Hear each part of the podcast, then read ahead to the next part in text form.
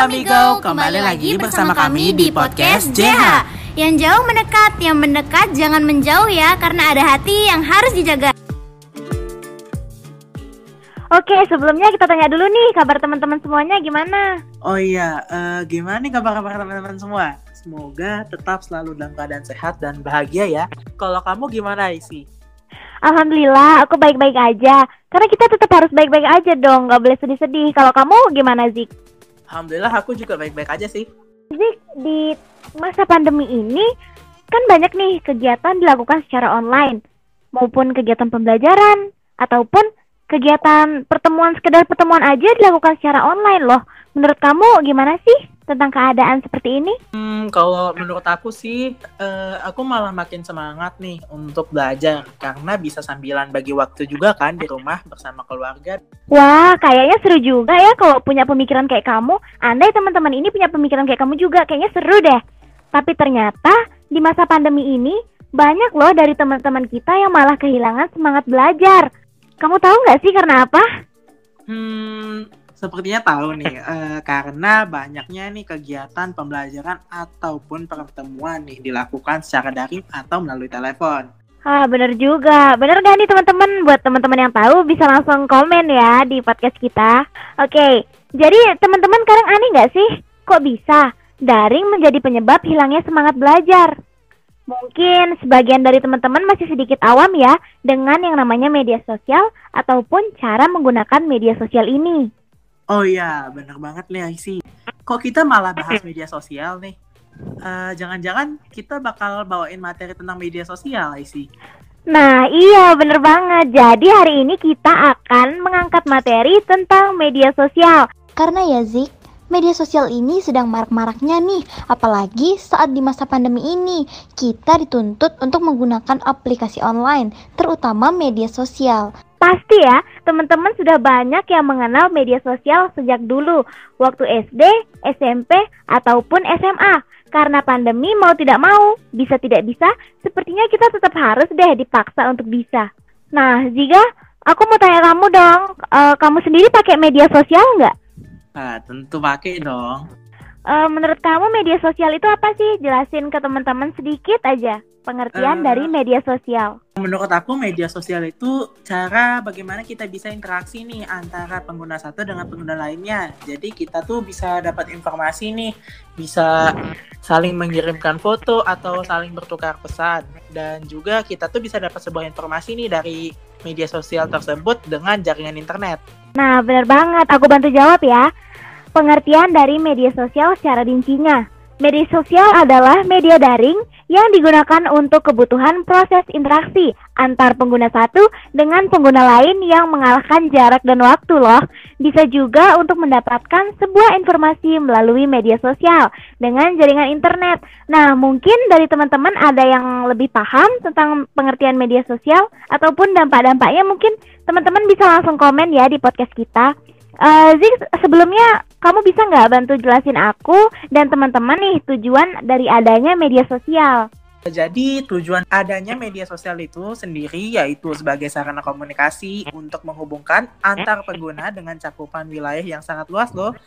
Dan yang kedua, menurut data yang dipublikasikan We Are Social dari 7,4 miliar penduduk bumi, 3,7 miliarnya telah terhubung dengan internet. Dan dari jumlah pengguna internet tersebut, miliaran orang merupakan mengakses media sosial tiap harinya angka ini terus dilaporkan terus meningkat loh.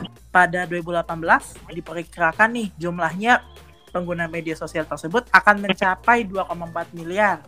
Eh, ini demikian seperti dikutip teknoliputan6.com dari WeForum Senin 4 September 2017. Wah, ternyata banyak banget ya pengguna media sosial.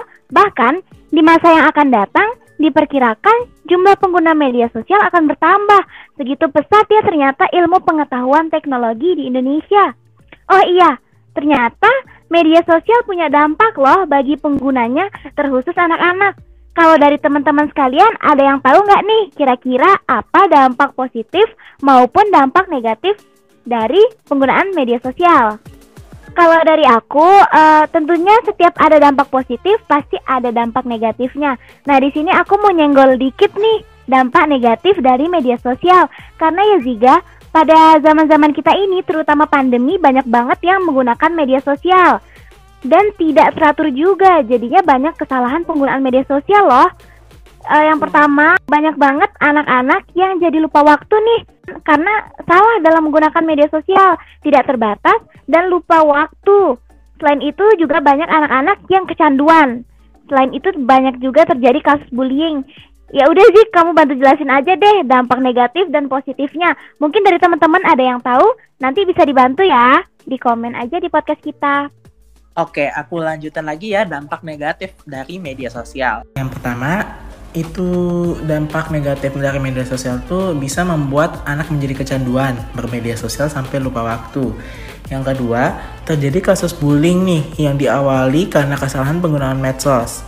Yang ketiga, kesalahan penggunaan medsos bisa mengantar pada pergaulan bebas. Yang keempat, hilangnya konsentrasi dan keinginan belajar karena medsos dianggap lebih menyenangkan.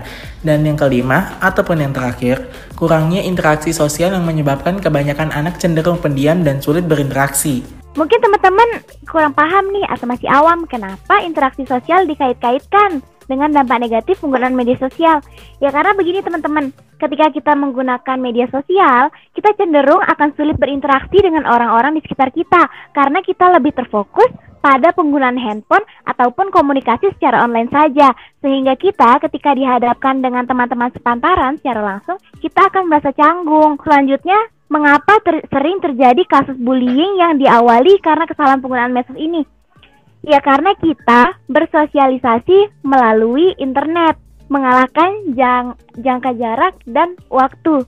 Di sini itu kita kayak kurang paham, kita tuh nggak kenal orang, tapi bisa jadi kita menjudge teman-teman kita cara yang kita lihat aja gitu kita nggak tahu aslinya tapi kita udah berani menjudge bener nggak sih jika pembulian tuh kadang-kadang berawal dari media sosial Iya sih menurut dari pengalaman aku sih banyak banget dikarenakan medsos. Iya bener banget kan sering banget sekarang terjadi kasus bullying. Hilangnya konsentrasi juga bisa disebabkan karena media sosial loh. Anak-anak yang kecanduan media sosial bisa lupa waktu dan lupa belajar sehingga konsentrasinya akan menurun. Aku singgung sedikit dampak positif media sosial untuk anak-anak ya Ziga. Dampak positif media sosial yang pertama bisa membantu anak-anak mengikuti perkembangan zaman di era globalisasi yang amat pesat ini. Yang kedua, anak-anak bisa dengan mudah memiliki banyak teman yang mengalahkan jarak dan waktu. Yang ketiga, anak bisa dengan bebas mengekspresikan diri mereka. Yang keempat, anak dapat dengan mudah mengakses informasi yang diinginkan secara cepat dan tepat. Yang kelima, menjadi sarana relaksasi bagi anak.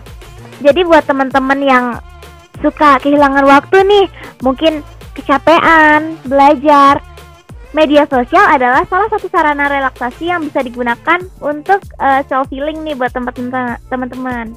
Aku tambahin lagi ya, uh, itu tuh bisa sebagai media penyimpanan informasi yang sangat mudah menyebar melalui situs jaringan sosial. Uh, dan juga situs jaringan sosial membuat anak dan remaja lebih bersahabat perhatian dan dengan menggunakan situs-situs web para pengguna internet di seluruh dunia dapat saling bertukar informasi dengan cepat dan murah. Dan media sosial itu juga dapat menyambung tali silaturahmi memudahkan bagi orang-orang yang memiliki sanak family yang jauh. Jaringan sosial ini sangat bermanfaat banget dan berperan untuk mempertemukan kembali keluarga dan kerabat yang berbe yang berada jauh dari kita dan yang jauh dengan yang lama sudah tidak bertemu. Hal tersebut dapat dilakukan lewat media maya seperti video call. Dan juga yang terakhir, kita tuh bisa dipermudah juga untuk berbelanja seperti menjual barang-barang kebutuhan sehari-hari di sosial media, online shop pria dan wanita. Hal-hal tersebut sangatlah mudah dilakukan. Wah, ternyata media sosial memiliki banyak banget ya dampak positif bagi kehidupan kita, terutama anak-anak dan orang-orang di sekitar kita. Tapi buat teman-teman, jangan sampai salah menggunakan media sosial ya, karena selain dampak positif, setiap apa pun yang kita lakukan secara berlebihan akan menimbulkan dampak negatif juga. Uh, Zik, uh, kayaknya udah kelamaan deh kita menemani teman-teman semua. Ya, berarti kita harus udahin nih pertemuan kita hari ini. Hmm, iya nih, benar banget. Ya, padahal masih pingin bicara ya sama teman-teman semua. Jadi, untuk episode satu ini kita cukupin aja dulu ya. Oke, mungkin kita cukupkan aja untuk episode kali ini. Next, kita bakal ketemu di episode selanjutnya yang tentunya akan lebih menyenangkan lagi nih teman-teman. Menambah wawasan dan ilmu teman-teman pendengar semua. Bye-bye. See you!